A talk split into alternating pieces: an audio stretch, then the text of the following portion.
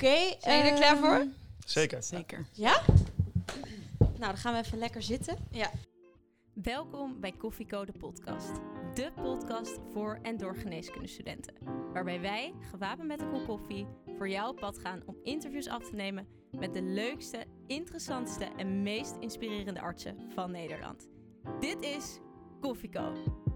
Hey Ko, ja wat doe je daar? Er staat een carrière voor je klaar. Maar je weet nog niet wat en waar. Een cappuccino maakt het minder zwaar. Dus zet je volumeknop omhoog. Want je luistert Koffie Co en je weet het zo. Papa, papa, para, para, para.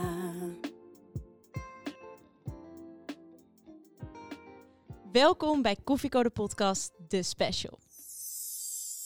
Wij zijn Doris. Tessa. En Tiara. en in de special behandelen wij vakoverstijgende onderwerpen.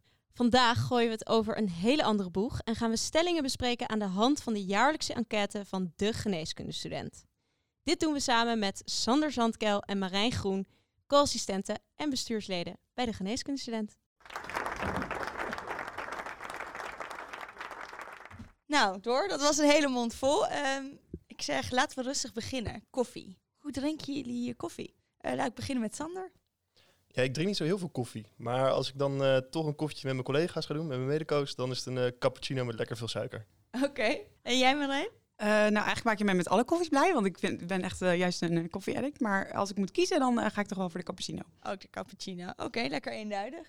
Ook een van onze favorieten, denk ik dan. Ja, hoe drink jij hem eigenlijk, Tiara? Daar hebben we het nooit over, hè? Nee, ik, eh, ik hou eigenlijk eh, het meest van espresso macchiato. Lekker sterk, maar toch een beetje wat melk. Ja. Maar die heb je niet eh, in het ziekenhuis, dus dan wordt het wel vaak een cappuccino. Nou, doe mij ook maar een cappuccino, hoor. Ja. Maar als ik thuis ben, dan pak ik wel havermelk. ja, de havermelk. Ja, zo ken ik Heerlijk. wel. Nou, goed. Ja, ehm, nu, nu we weten hoe jullie je koffie drinken, laten we beginnen met een korte introductie. Sander, het wordt aan jou. Wie ben je en wat doe je? Nou, ik ben Sander, ik ben eh 25 jaar en nu aan het einde van mijn studie, dus echt aan het einde van mijn zesde jaar. En eh, algemeen bestuurslid bij Leiden, en, eh, of eh, algemeen bestuurslid bij de geneeskundestudent en dan eh, van Leiden. Oké, en Marijn? Eh, ik, kom, eh, eh, ik studeer in de mooiste stad van het zuiden, Maastricht. Eh, ik ben eh, vijf- 26 jaar en ehm zesdejaars geneeskundestudent. En ehm, ja, we, naast dat we de stad vertegenwoordigen, hebben we natuurlijk ook een eh, portefeuille. En eh, wij zijn samen dan verantwoordelijk voor de portefeuille beroepskeuze. Beroepskeuze. Nou, dat is nou precies waar we het vandaag met z'n vieren over gaan hebben. Niet Ehm, geheel toevallig dat jullie bij ons aan tafel zitten. Maar goed, voor de luisteraars die de geneeskundestudent niet zo goed kennen, eigenlijk kan dat niet, vinden wij. Maar zouden jullie nog eens goed willen uitleggen wat de geneeskundestudent eigenlijk is? Ja, tuurlijk. Ehm, de geneeskundestudent is eh, de onafhankelijke landelijke belangenbehartiger van de geneeskundestudent. Een hele mond vol, maar wat we eigenlijk willen is gewoon zorgen dat de omstandigheden zo goed mogelijk zijn voor de geneeskundestudenten om eh, ja, zichzelf te ontplooien en eigenlijk de beste arts van de toekomst te worden die zij kunnen zijn. Oké, en, en met de geneeskundestudent eh, is een van de manieren eh, hoe jullie te werk gaan zijn middels enquêtes. En dat is ook eigenlijk waar we vandaag de resultaten van gaan bespreken. Kunnen jullie uitleggen ehm, wat die enquêtes precies inhouden? Ja, nou zoals Marijn zei, we hebben eh, verschillende portefeuilles bij de geneeskundestudent. En ja, via de enquêtes, dat is eigenlijk de manier om alle informatie binnen te halen van de studenten uit het hele land. Dus dan stellen we vragen, bijvoorbeeld over beroepskeuze, maar ook over eh, promoveren hadden we iets, of veilig werken. En eh, ja, dat verzamelen we dan allemaal en dat ja, geeft dus een hele eh, mooie database eigenlijk aan gegevens en die wij kun- dan heel goed kunnen gebruiken om eh, ja, te kijken waar wij veranderingen kunnen bewerkstelligen in het land. Wauw. En we hebben iets van eh 3400 respondenten. Dus ehm, dat is ook wel heel fijn dat je er gewoon echt een groot deel van de geneeskundestudenten hoort. En ook er echt wat aan kan koppelen, zeg maar. En ook wat mee kan doen. Want ho- hoeveel geneeskundestudenten zijn er eigenlijk in Nederland? Ehm, nou, er zijn er 18.500 ongeveer. En ehm, wij hebben als geneeskundestudent eh, meer dan 15.000 leden. Wauw. Dus dat is bijna 100%. En jullie kunnen dus heel veel mooie informatie vergaren van al deze studenten. En dat is natuurlijk ook, zoals ik al eerder zei, de reden waarom we hier vandaag eh, zitten. Een heel ander soort eh, aflevering, waarbij we eigenlijk de geneeskundestudent en de koffiecode podcast eh, de krachten bij elkaar bundelen en in, samen in discussie gaan over de stellingen uit de jaarlijkse enquête. Dus ik denk dat we dan maar van start moeten gaan. We hebben een lekkere grabbelton waar we een aantal stellingen in hebben gedaan. Ehm, eh, let's, eh, let's go, door. Nou, dan pak ik de eerste stelling uit de grabbelton. Nou, ik heb, een, eh, ik heb meteen een goede binnenkomer. De stress die studenten rondom specialisatiekeuze ervaren is onterecht en overdreven. Ehm, ik denk dat het het beste is om de resultaten uit de enquête hier maar eens even op los te laten. Ja, leuk. Dat kan ik eh, zeker maar aftrappen. Ehm, want eigenlijk zijn de resultaten best wel schokkend als je er naar kijkt. Eh 65% van de studenten weet eigenlijk niet in welk vakgebied zij willen gaan specialiseren en twijfelt hier dus over. En de helft daarvan ervaart hier ook stress bij. En als je dan gaat kijken naar de verschillende jaren, zien we eigenlijk eh, die piek eh, in het vijfde jaar. En daar, ehm, daar is meer dan 60% wat twijfelt. De piek van stress zit die in het Ja. vijfde jaar? Ja, de piek van stress. Zo van, en dat, ja, dat, weet je, dan, dan heb je vaak al een paar kooschappen gehad. Dan moet je misschien ook nadenken over waar ga ik mijn semi-artstage lopen. Ja. En dan zijn er gewoon heel veel dingen die meespelen. En ja, wat wil ik nou en waarom? Hey, en Sander, jij bent inmiddels al eh zesdejaars. Je bent bijna klaar. Heb jij die piek van stress in het vijfde jaar ook zo ervaren of niet? Ja, bij mij was het ook wel echt, eh, echt het geval, moet ik zeggen. Want ik had, ehm, mijn tweede kooschap was chirurgie. En toen dacht ik nog dat dat helemaal eh, mijn, eh, mijn wereld was. Dus ik dacht, mijn semi-arts had ik daar toen ook gepland. En ja, toen kwam het moment eigenlijk steeds dichterbij. En toen ook zoiets van, oei, ik weet eigenlijk niet of dit wel helemaal voor mij het, het juiste is. En eh, ja, dus in het vijfde jaar moest ik denk ik toch nog een beetje gaan verder kijken eigenlijk. Van, ja, is er niet toch nog iets anders wat misschien wel beter ligt? Ja, Tie, wij zitten er middenin, Ja, hè, het vijfde jaar. Nou, het is niet voor niks dat we deze podcast zijn gestart. We hebben, wij ervaren denk ik ook wel wat stress. En je zou denken, na zoveel specialisten gesproken te hebben, weet je het wel. Maar ik weet het ook nog steeds niet. En ik twijfel inderdaad ook. De chirurgie trekt me, maar eigenlijk het leven daarvan eh, van een chirurg trekt me weer iets minder. Dus het is best wel een zoektocht inderdaad. En ik heb eigenlijk ook geen idee. Dus dat levert mij ook wel wat stress op. Ik weet Ja. niet hoe dat bij jou zit. Ja, bij mij ook. En ik vind het aan dat vijfde jaar wat ik daar zo, zo, ja, hoe zeg je dat? Wat ik daar zo lastig aan vind, is dat je denkt jezelf inmiddels wel een beetje door te hebben en wat je leuk vindt en wat je niet leuk vindt. En dan kom je opeens op een kooschap dat je eigenlijk totaal al had afgeschreven. En dan blijkt je dat opeens leuk te vinden, maar dan heb je het gevoel van, shit, ben ik niet al veel te laat om dat nu leuk te gaan vinden? Want er zijn al veel meer mensen die dit al jaren leuk vinden. En dan kom ik nu mee. Is het niet te laat?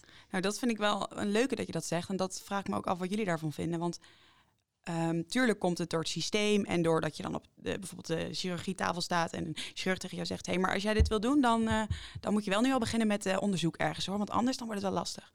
Maar hoe studenten onderling met elkaar praten en zeggen: hé, hey, maar ik doe dit en dit en dit en daar bestuur en dit heb ik gedaan. En, maar wat doe jij eigenlijk?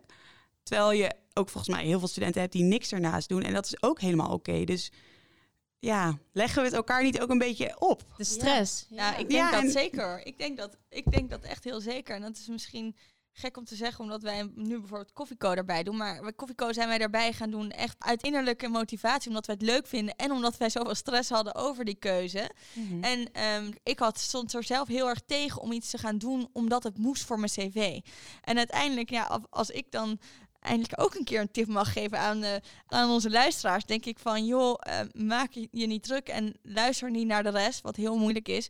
Maar ga op zoek naar iets wat je leuk vindt, echt leuk vindt. En dan draagt het zoveel meer bij aan je cv als dat dan het doel is. En al die stress eromheen en iedereen die elkaar aan het opfokken is, ja, Ja. Dat, daar heb ik ook echt heel veel moeite mee. Dat vind ik ook lastig. Ik weet Ja. niet, eh, Sander, heb jij dat ook zo ervaren? Want jij zit nu in je zesde jaar. Hoe is de stress nu onder de rest? Nou, mensen lijken toch wel ietsje zekerder te worden nu van wat ze nu allemaal willen. Ehm, maar ik vind het af en toe ook wel een beetje, eh, juist dat mensen dan in één keer zo zeker zijn van hun zaak, dat geeft mij dan juist toch wel weer een beetje zoiets van, oei, dan ben ik in één keer toch het buitenbeentje, zeg maar, die dat dan dus zo, eh, dus niet helemaal zo ervaart. Maar als je toch eerlijk bent naar elkaar toe, dan valt het eigenlijk eh, toch best wel mee. Maar ja, het is natuurlijk wel, als de volgende stap dichterbij komt, de volgende fase, dan, dan gaat het toch allemaal weer wat serieuzer worden. Dan ben je in één keer echt, echt een volwassene. Ja, maar de stelling, hè? De stelling luidde: de stress die studenten rondom specialisatiekeuze ervaren is onterecht en overdreven. Nou, we hebben uit de cijfers gezien dat het, nou ja, dat het in ieder geval bestaat, dat, het, dat de stress er is. Maar vinden wij het nou onterecht of overdreven? Marijn, wat vind jij? Ehm, nee, ik vind het niet onterecht en ook niet overdreven. Maar ik vind wel dat je af en toe ook mag denken... oké, ik vind iets nieuws opeens leuk in mijn zesde jaar. Nou en? Als ik dat leuk vind, dan, dan vind ik dat leuk. En dan zie ik dan wel weer wat er daarna gebeurt. Dus ja, Maar we zien nu dat zoveel mensen die stress ervaren, dat kan toch niet goed zijn? Dus eigenlijk is hij onterecht. Waarom zitten we met elkaar elkaar zo op te fokken? En kunnen we niet gewoon... Ja, nou ja, maar dat, daarom, het, het ligt deels bij jezelf, maar het is ook wel echt het systeem. Ja. Want wat ga jij zeggen als je als er beginnende co met een chirurg aan tafel staat die zegt, ja, dat moet je wel echt doen hoor, want anders gaat het niet lukken. Dan, dan denk ik dat als jij denkt, dat wil ik misschien, neem je ook niet het risico om dan te denken, dat lukt me nu niet als ik niet dat erbij naast doe. ja. Dus ja. Hoe gaan we dit oplossen? Sander, heb jij een idee? Hoe gaan we deze stress tegen in de toekomst? Nou, misschien dat het ook gewoon veel, eh, dat je het veel meer moet kunnen bespreken tijdens de opleiding. Misschien wat meer ruimte ervoor inbouwen. Ik bedoel, ehm, nou is dat natuurlijk altijd wat makkelijker gezegd dan dat het ook echt zo, zeg maar, dan, dan dat het geregeld is. Want ik had bijvoorbeeld ook een keertje een eh, werkgroep over burn-out, maar die ging niet door omdat het programma te vol zat. dus ja, de- soms, ligt- soms, ligt, eh, op- soms ligt de oplossing misschien wel theoretisch wat makkelijk voor de hand, maar in de praktijk is dat eh, helaas niet zo. Ja. en laten we wel zeggen, jongens, het gaat over je, de rest van je leven. Zo'n gevoel, ja. zo'n zo'n zwaar gevoel a- hangt voor mij wel echt aan die keuze. ja. Dat vind ik toch, blijft lastig om mee om te gaan. Ook al, ook al zou je niet de onderlinge competitie hebben, is het alsnog iets van, er zijn zoveel verschillende vakgebieden en richtingen waar je aan kunt denken. En Ja. heel veel geneeskundestudenten vinden eigenlijk het hele menselijk lichaam interessant. Mhm. Hoe, ja, ik weet niet, dit is gewoon een zware keuze. Dus de stress is ook wel deels terecht in dat opzicht. Ja, precies. En eh, weet je, dat, doordat wij nu hier al aandacht voor vragen en dat het ook steeds meer in het nieuws komt, wij zijn uiteindelijk de nieuwe generatie artsen die er ook weer wat mee kan En- doen. Ja. Ik denk ook, we hadden laatst een hele mooie tip, eh, misschien ook om deze stelling mee af te sluiten. We hadden een hele mooie tip van een van de artsen die bij ons eh, in de aflevering was.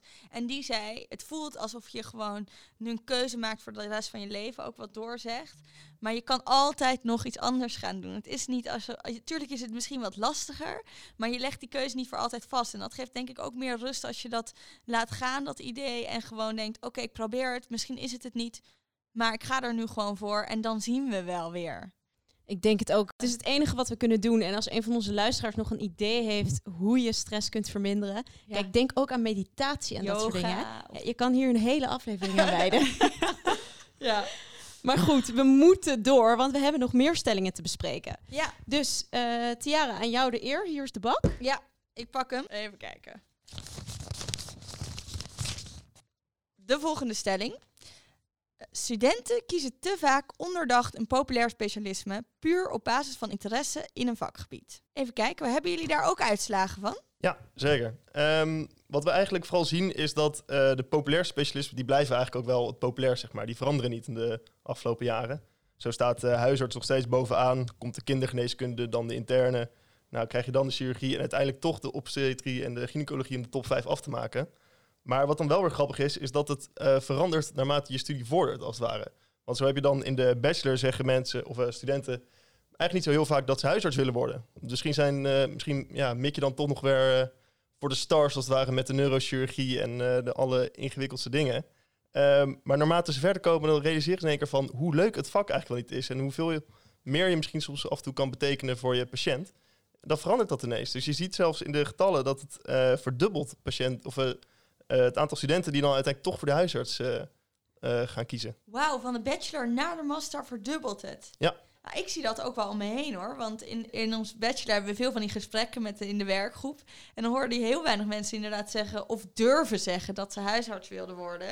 En in de, in de master nu is echt een groter aandeel bij mij in de werkgroep die nu wel durft toe te geven of er nu meer over weet wat het echt inhoudt. Ja, Eh, precies. en eigenlijk veel groter percentage. Hoe zit dat bij jou door? Ja, bij mij ook. Ehm, ik zit natuurlijk bij jou in de werkgroep.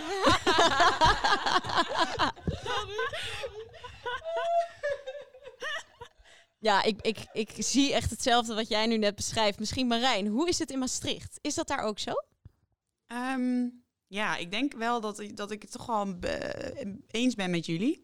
Ehm, alleen wat ik juist ook wel weer merk, en dat is dan meer met name als ik in gesprek ga bijvoorbeeld met een opleider of een andere arts, ehm, dat het echt juist wij als nieuwe generatie daar nog meer mee bezig zijn dan ooit. Dat wij heel erg gefocust zijn op ons socia- sociale leven. En eh, wat betekent dat? Wat, wat betekent het vak als ik dat kies? En wat, wat heeft het voor effect op mijn sociale leven? En ehm, ja, waar wil ik eigenlijk wonen? En ga ik dan verhuizen? Want ik zit in Maastricht, best wel eh, aan de rand van Nederland. En daar heb ik allemaal connecties. Maar het liefst zou ik ook wel richting het noorden willen gaan. En hoe ga ik dat dan doen? Wat, wat vind ik dan belangrijker dan het, het specialisme of de plek waar ik woon en met wie? Dus ja, Ehm, ik denk dat niet heel veel studenten daar zijn gaan studeren met de gedachte om daar ook te gaan wonen. Is dat een terugkomend thema eh, in Maastricht? ja, absoluut. Ja, want ehm, ik weet de cijfers er niet van, maar ik heb het wel het gevoel dat het in Maastricht allemaal wat gemoedelijker is. En ook wat makkelijker om een specialisme binnen te komen, want er zijn gewoon minder mensen. Dus ehm, ja, wat je ziet is dat mensen die studeren in Maastricht en ook daar in de buurt wonen, vaak blijven hangen. Of eh, dat mensen uit Randstad komen naar Maastricht, puur voor het specialisme. Omdat ze daar meer kans maken. Ja, omdat het dan op andere plekken niet gelukt is en dat ze dan denken, oké, Even los van de stellingen. We- zouden jullie dat nou doen? Echt kilometers ver verhuizen naar een stad waar je eigenlijk nooit was van plan om te wonen, puur omdat je daar binnenkomt? Ik denk bijna dat je het eh, misschien maar moet accepteren eigenlijk. Als je er echt, echt zo ja, toegewijd bent aan van dat wil ik worden, die soort, dat soort specialisme, dan heb je het er waarschijnlijk voor over ook. Weten jullie wat jullie willen worden? Even tussendoor. Hebben jullie die gedachte al? Ja, ik eh, wil graag gynaecoloog worden. maar ik, ik, vind het, ik, denk dat ik dat pas kan zeggen als ik voor die keuze sta.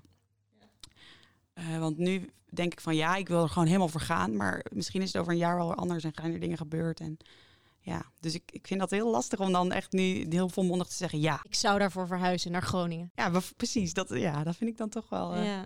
Sander, jij? En bij mij is de kans best wel groot dat ik eh, misschien wel helemaal niet als arts ga werken. Ik kom nu eigenlijk steeds meer tot de conclusie dat het misschien niet helemaal is, eh, voor mij is weggelegd als het ware. Maar dat ik mijn eh, ervaringen en de kennis die ik nu heb opgedaan misschien op een andere manier wil inzetten om eh, de zorg te verbeteren. Vind je dat eng om nu uit te spreken? Dat je zo lang hebt gestudeerd, een plek hebt eh, vastgehouden, hè, die heel erg schaars zijn. Mhm. En dan nu toch zegt, nou, ik weet het niet. Ja, dat vind ik wel eng. Want het is ook wel een, eh, ja, toch wel een heftige keuze, om het maar even zo te zeggen. Gezien je daar toch zes jaar lang eh, voor studeert om toch echt arts te worden en je gaat misschien niet dat vak vervullen. Dan denk je toch van ja, heb ik dan echt gewoon de verkeerde studie gedaan inderdaad. Had niet veel, iemand, veel beter iemand anders dat kunnen doen. Maar ik moet zeggen, nu ik er toch eh, wat meer open over durf te praten, want dat was inderdaad wel een drempel, eh, wordt het ook wel geaccepteerd. En blijkt eigenlijk best wel veel eh, mogelijkheden te zijn. Van kansen van ja, hier kan je ook als arts werken, maar niet zozeer echt als arts, om maar even zo te zeggen. En heb je al iets op het oog? Ehm, ik, ben, ik wil me heel graag gaan verdiepen meer in het beleid van de zorg. Ik heb dan ook zo'n stage gedaan bij het ministerie en dat vond ik wel heel interessant. Oh. Dus dan ben je op een heel ander niveau bezig met de zorg van de patiënt, zeg maar. Heel interessant. Heel interessant. Die moeten we eigenlijk ook nog interviewen. Ja, komt later. Je hebt mijn nummer. Nou, in ieder geval, eh, om terug te komen op de stelling, dat studenten kiezen te vaak ondoordacht een populair specialisme, puur op basis van interesse in een vakgebied. Ja, het hier aan tafel blijkt dat dus ja, niet echt zo te zijn. Wij denken er allemaal wel goed over na. Niet alleen welk vakgebied we het interessant vinden, maar ook wat het leven van een chirurg inhoudt. Noemde jij net al die, eh, zou je moeten verhuizen, ja of nee? Wil ik überhaupt van een ziekenhuis werken? Ik denk dat wij daar, nou, misschien Misschien zijn wij een select groepje, maar ik denk dat in de master inderdaad, wat jullie ook zien in de cijfers, dat veel meer mensen verschuiven en minder voor het populaire gaan, maar meer echt na gaan denken over wat nou Ja. echt bij hun past. Gelukkig maar, dat lijkt me een goede, een goede ontwikkeling. Nou ja, is het tijd om door te gaan, denk ik, jongens. Zeker. Ja, zeker. Oké, nou dan ga ik weer eh, de briefjes erbij pakken. Oké dan. Ehm, de volgende stelling is: Het is nodig om studenten beter te begeleiden bij het maken van een beroepskeuze. Via bijvoorbeeld structurele coaching of kortdurende aanvullende kooschap. Hebben jullie hier cijfers over, de geneeskundestudent? Kom maar Tuurlijk door. hebben we daar cijfers over, ja. En ook wel weer, ehm, ja, toch wel iets wat ik opvallend vond. Want als je gaat kijken naar wat studenten vinden, is dat de grote meerderheid, meer dan 70%, houdt de universiteit verantwoordelijk voor ehm, het maken van een wel, overwogen beroepskeuze. En dat ze daar ook steun vanuit de universiteit voor krijgen. Terwijl maar een kwart van de studenten vindt dat er voldoende steun is. En dat ze worden geholpen door bijvoorbeeld het geven van een workshop of ehm, een e-learning. Ja, zeg maar, ik, zeg maar wat. Gewoon überhaupt wat de universiteit aanbiedt. Eh, en als we dan gaan vragen van, hey, wat, wat willen studenten dan zien? Eh, is de helft die zegt van, nou, het zou wel fijn zijn als er misschien meerdere, meerdere kortdurende kooschappen komen. Of toch eh, een extra meeloopdag. En ook ongeveer 20% noemt bijvoorbeeld persoonlijke coaching of loopbaanbegeleiding. Oké. Nou, dat zijn ook weer best wel indrukwekkende cijfers. Ehm, Sander, waar denk jij nou persoonlijk dat jij iets aan zou hebben gehad tijdens het maken van jouw keuze?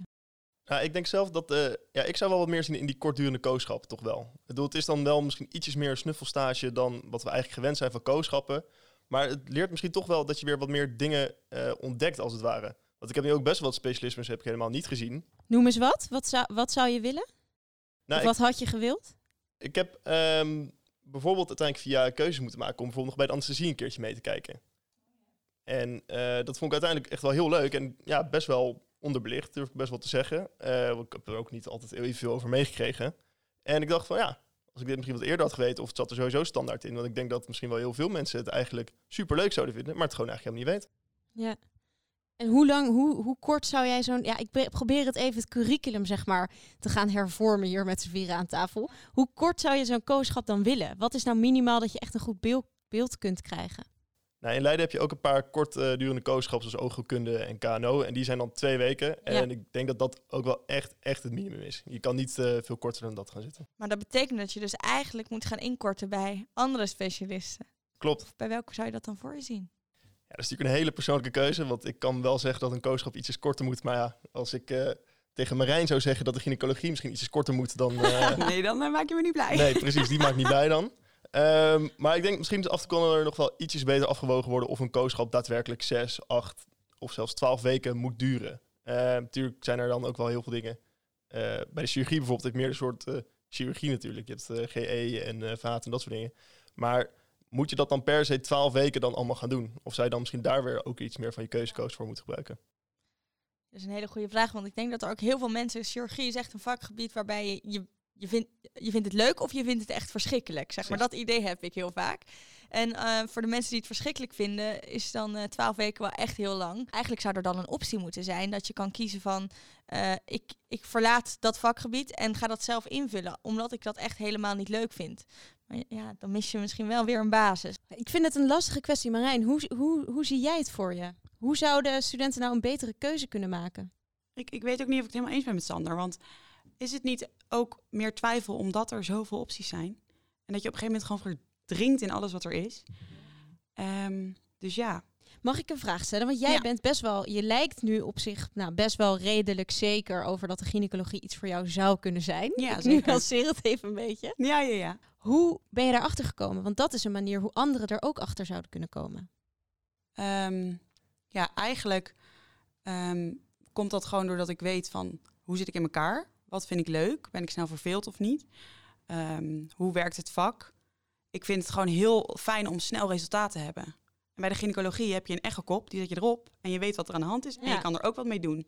Maar eigenlijk zeg je nu van, omdat ik mezelf goed ken. Zou dan zo'n coaching, zo'n extra coaching in de, of in de studie er niet beter bij passen? Ja, ik denk dat dat echt voor, voor een gro- grote groep van de mensen heel veel zou kunnen betekenen. En dan misschien in de vorm van, weet je, dat de universiteit laat weten, dit is er.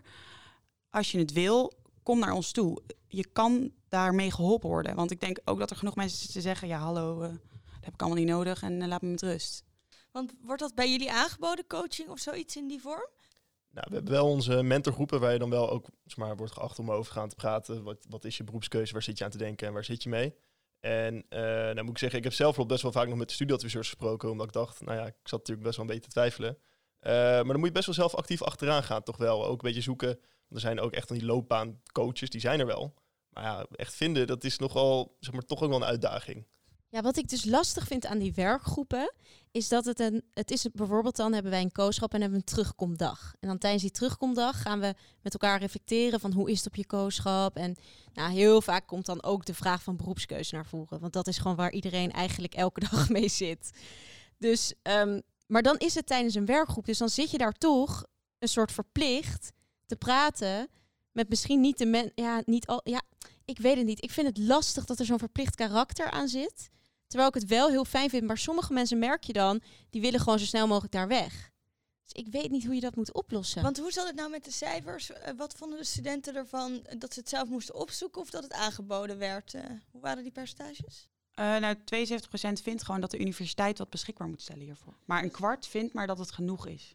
Wauw, dat is dus echt wel te weinig. Ondanks al, alles wat we hebben, moeten ze het toch nog verplicht stellen dan? Ja. Nou ja, in Maastricht eh, ik, wordt niet echt wat aangeboden hoor. Je kan, Nee? Nee, eh, en als ik ga kijken naar wat er dan is, dat zijn gewoon inderdaad carrièrebeurs. Oh ja. bijvoorbeeld. Of, of een training. Eh, en dat zijn dingen, of, of dingen die wij als de geneeskundestudent organiseren. Maar dat, dan, dan moet je dan maar net zien en net mee, mee in aanmerking komen, zodat je er wat aan hebt. In Utrecht hebben we best wel, wordt er wel best wel wat aangeboden. En we hebben ook goede werkgroepen hiervoor. Maar we hebben ook een career officer. Uh, Otter heet zij. En, uh, en zij is echt een van onze eerste day ones. En zij was erbij bij de, bij de geboorte van Coffeeco. En heeft ons echt hierin geholpen. En um, is ook heel actief bezig met bij haar. Vertelt ze echt dat er veel studenten komen elke week bij haar langs om te praten over wat moet ik nou? Wat als ik wil, geen arts wil worden? Um, uh, is het niet te moeilijk om binnen te komen bij de gynaecologie? En bij, ja, in Utrecht is dat volgens mij best wel al op gang. Nou, in Utrecht zijn ze ook het meest tevreden als je naar de enquête kijkt. Is dat zo? Nou, kijk, Marten, dat doe je goed. ja. En in welke stad zijn ze het minst tevreden hierover? Uh, Amsterdam. Oké. Okay. Nou, werk aan de winkel Amsterdam. Mm -hmm. Laten we doorgaan naar de ja. volgende stelling. Even kijken, ik pak er weer eentje. Oké, okay, de volgende stelling luidt als volgt. Het curriculum zou meer aandacht moeten besteden aan specialismen buiten het ziekenhuis om de populariteit van deze specialismen te vergroten. Sander, eens of oneens? Ik ben het er wel mee eens. Want ik heb wel zoiets van, als je het dus niet kent, het, het onbekende maakt onbemind. Um, dus ik denk, ja, dan laat je wat dingen liggen als je het gewoon niet weet. Dus als je nou net wel wat meer die ruimte hebt. En, uh, want als wij bijvoorbeeld zien wat de minst populaire specialismen zijn, bijvoorbeeld uh, verzekeringsgeneeskunde, bedrijfsgeneeskunde en verslavingsgeneeskunde. Ja, dat is het al, ja, moet ik eerlijk zeggen, toch al langere tijd zo.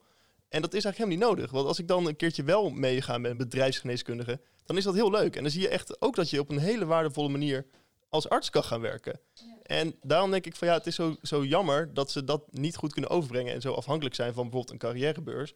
Maar dan worden weggeblazen door de misschien veel grotere stands die andere specialismen krijgen dan zij die krijgen. Marijn, hoe zie jij dat voor, uh, voor je als we nog meer verschillende kooschappen uh, in ons curriculum gaan proppen? Ja, ik denk dat het niet zo handig is. ik denk dat je echt wordt overladen met van alles. En dat we kunnen we heus wel en met bepaalde specialismes wat kortere kooschappen aanbieden, dat zou kunnen en dat je het op die manier compenseert. Maar ik denk ook echt wel dat je in onderwijs wat kan doen. En als jij dan een bepaald specialisme op de kaart wil zetten, kies dan iemand die dat kan. En Alsjeblieft, Marijn, spijker op zijn kop. Ja, en dan weet je, dan heb je een zaal mee en dan worden mensen enthousiast en dan gaan ze het opzoeken en dan denken ze, hé, hey, wat is dat eigenlijk? En ja, dat zou ik echt graag willen meegeven aan, aan de specialist. Want als je iemand hebt die bevlogen over zijn vak kan vertellen, dan maakt het niet uit welk vak het is. Nee. Het gaat erom dat, dat voor ieder is er wat, ja, voor ieder is er wat in de geneeskunde. En dat is buiten het ziekenhuis, binnen het ziekenhuis. Ik denk echt dat het heel belangrijk is om in het onderwijs meer aandacht hier aan te besteden. Positieve aandacht. Ja. Wij hadden laatst ook een werkgroep Tiara. Dat iedereen moest zeggen wat hij. Zeg maar, je moest op briefjes schrijven wat jouw indruk was in één woord van een bepaald vakgebied.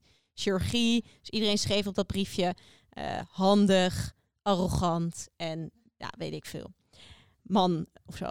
En bij, bij de jeugdarts schreef bijna alle briefjes waren saai, vrouw en um, nou, rustig. Gewoon heel erg saai. Terwijl ik denk... Negatief. Dat, precies, vooral negatief ook. Ja. Maar dat ontzettend toch helemaal niet. Nee, en er zijn toch inderdaad heus wel mensen die het gekozen hebben omdat ze hun hart daar ligt. Ja. Dus draag die passie dan uit. En het moet gewoon bij je passen. Het is een heel ander soort specialisme. Het betekent niet dat het meteen saaier is, maar misschien past dat juist bij een, een persoon die wat rustiger is of die meer de rust opzoekt in de geneeskunde dan de hectiek van de chirurgie. Ja, en, en misschien is dat wel een vooroordeel, want uh, Sander, jij vindt het, zei net leuk om over meer beleid na te denken in de gezondheidszorg. Nou, jeugdartsen die werken gewoon bij een gemeente. Daar kan je jezelf hartstikke goed opwerken en dan kan je superleuke projecten aangaan. Ik geloof erin dat dat een hartstikke leuk vakgebied is. Ik zie alleen vaak dat mensen die dit dan moeten promoten, die maken dan een fout door de als eerste zin te zeggen van ja, jullie denken vast dat het heel saai is. Maar, maar ja, dan luister je niet meer naar wat erna gaat komen. Want dan is echt de toon al... Weet je wat ik denk? Ze moeten ook eerder in de studie, als mensen nog minder vooroordelen hebben. Want als middelbare scholier, je komt aan bij geneeskunde, dan weet je echt niet wat een jeugdarts is. Dan heb je die vooroordelen nog niet. Dan moeten ze het al leuk op de kaart gaan zetten. Weer, wederom is er heel veel werk aan de winkel. Maar we hebben wel een soort van kleine oplossing gevonden hier met z'n vieren aan tafel. Ja. Namelijk dat de integratie van deze beroepskeuze nog meer belicht moet worden in, uh, in het onderwijs. En dat nou niet per se meer extra kooschappen als het aan ons ligt, maar aan Sander eh, is het een ander verhaal. Niet per se eh, meer kooschappen, maar wel in ieder geval meer aandacht in het onderwijs. En over die kooschappen kunnen we misschien nog wel in overleg gaan. eh. Ja, inderdaad, kan ik, inderdaad. me, kan ik mee vinden. Nou, we, nou, jongens, we hebben het toch altijd over personalized medicine. We moeten gewoon een personalized geneeskunde hebben. Personalized kooschappen. Personalized kooschappen. Ja, Ja, dat vind ik echt. Dat je gewoon, als, als je echt weet, chirurgie is niks voor mij, dan moet je misschien een minimum aan chirurgische, ja aan want je moet wel kunnen of doen. zo. Tuurlijk, je moet het gezien hebben. Eh, en misschien vergis je wel, misschien is het wel iets voor jou en dan kom je er dan achter. Maar ja, ik vind, ik vind echt, als Sander meer kooschappen wil buiten het ziekenhuis en jij meer in, dan moet het gewoon kunnen. Ja, Ja. mee eens. Misschien hoge eisen, maar eh, Het zou prachtig zijn. Ja, nou, het is wel leuk dat we allemaal uit andere steden toch hetzelfde zeggen. Dus ja. ergens kan er echt wel veel verbetering in zitten. Denk ik ook.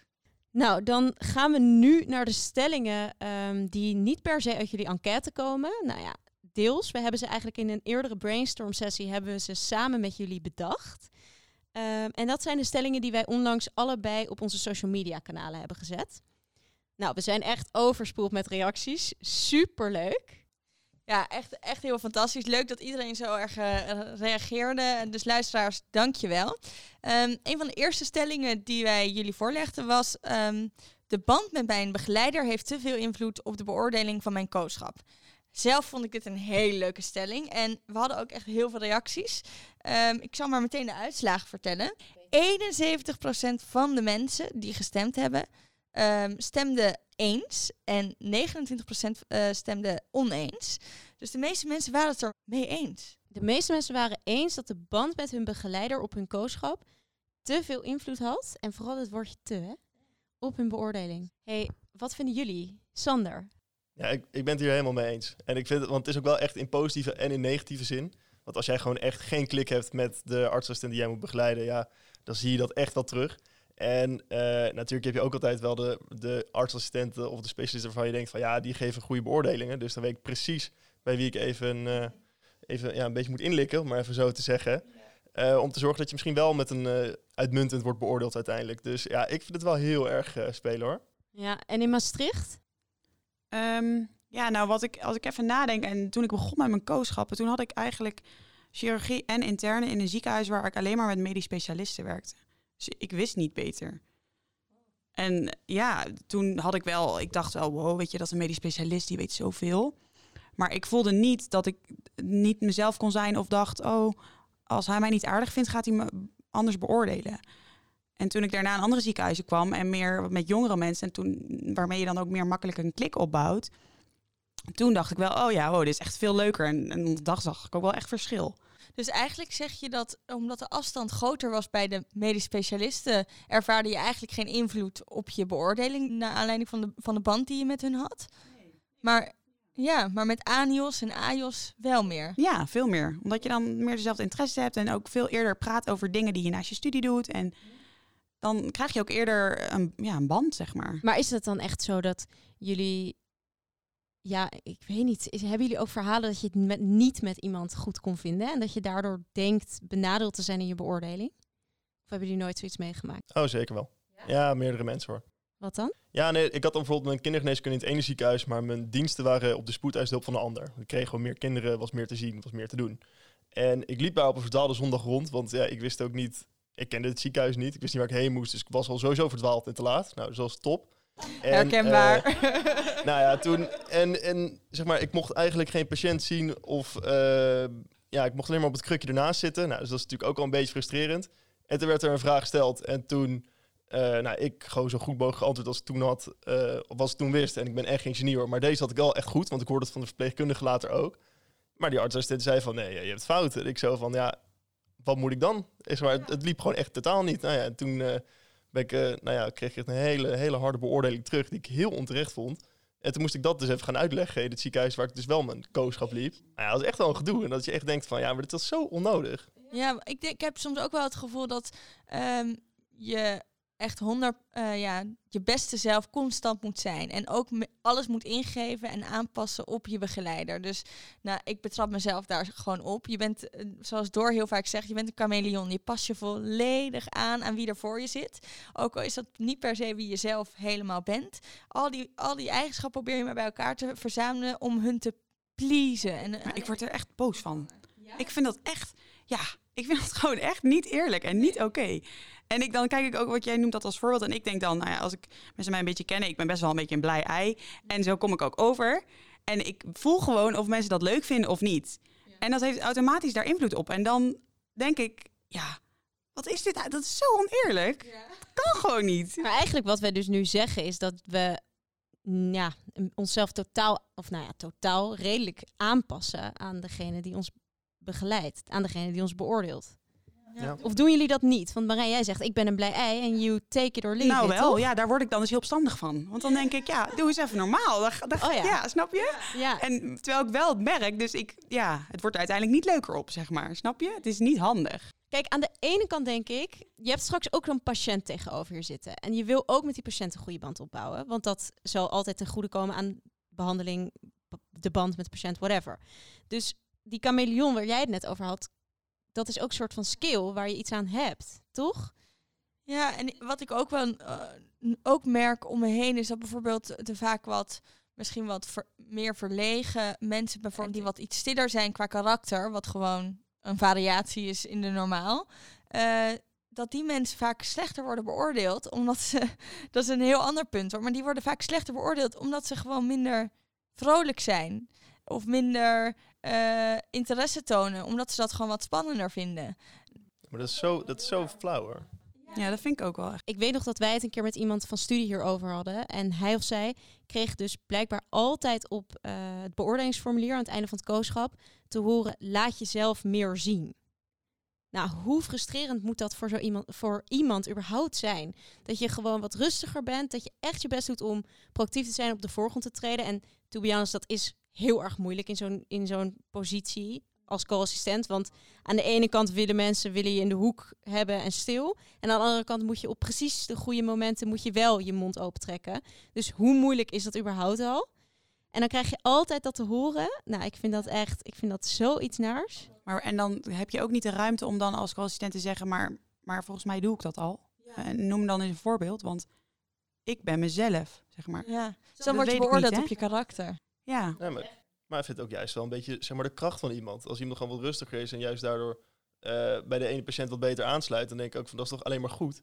En weet je, je hebt heel veel verschillende soorten specialisten, dus heel veel verschillende soorten artsen. En het zou heel gek zijn als iedereen hetzelfde is, zeg maar. Dat, dat slaat natuurlijk ook nergens op. Nee, ja, ik ben het er helemaal mee eens. Ik ook. Ja. Maar ja, het mag, geen, het mag in ieder geval niet zoveel invloed hebben op de beoordeling. Nou, laten we dat nu, alle luisteraars, knoop het in je oren als je later ANIOS of AIOS bent. ja en we nemen het zelf ook mee, toch? Ja, neem het mee. En dan kunnen we de wereld een heel klein beetje veranderen. Oké, nou, laten we hem eh, daarbij afsluiten en doorgaan naar de eh, laatste stelling die we jullie hebben voorgelegd op eh, Instagram. Ehm, en die luidt als volgt. Ik vind de hiërarchie in het ziekenhuis te veel op de voorgrond staan. De meningen waren daarover verdeeld. Ehm 60% was het daarmee eens en s- en 40% was het daarmee oneens. Marijn, ben jij het mee eens of ben je het ermee oneens? Ja, ik, ik, ik ben het er niet per se mee eens. En jij, Sander? Ik ben het eigenlijk ook niet mee eens. Want ik snap wel dat mensen zeggen misschien te veel. En kijk, ik, wat ik zou zeggen is, ik vind dat er wel veel hiërarchie is in het ziekenhuis. Maar ik vind het niet altijd even erg.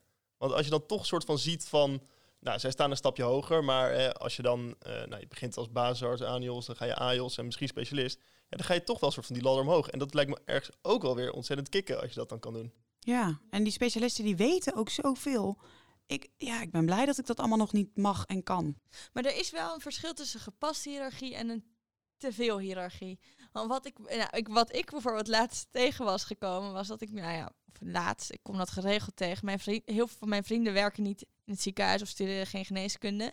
En als zij dan vertellen over hun eerste baan en hoe zij omgaan met hun collega's of met hun bazen, dan ben ik wel echt, echt, echt heel erg jaloers. Dan denk ik, dit ga ik nooit hebben. Nou ja, misschien met je mede Anios of Aios ga je dat wel hebben. Maar er is wel een hele erge hiërarchie als je dat vergelijkt in andere, ja, andere werelden waar wij ons nu niet in bevinden. Ja, ik, ik ben het er dus wel echt mee eens. Mag wel wat minder, maar hiërarchie is natuurlijk ook goed soms. Maar niet te veel, nee.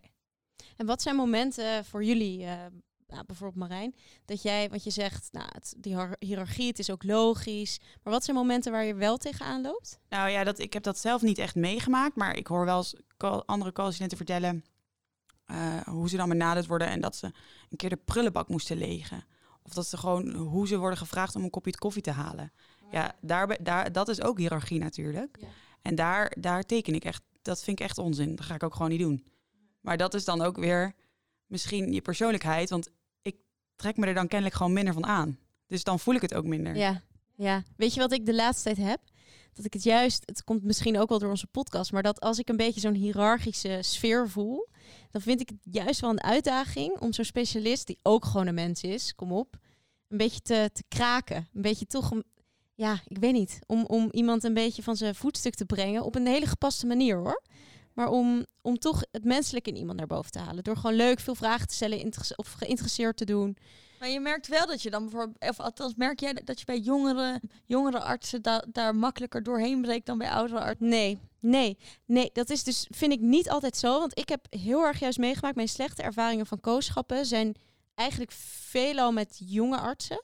Omdat de jonge artsen die mij een slechte ervaring hebben gegeven, die waren zelf heel erg gestrest over hun baan dat ze echt totaal geen oog voor mij hadden. Echt totaal niet. Ehm, iemand die net zijn eerste week op de, op de afdeling liep. Eh, ja, nou, en dan de specialist die had tenminste nog een beetje aandacht voor me, zeg maar. Mhm.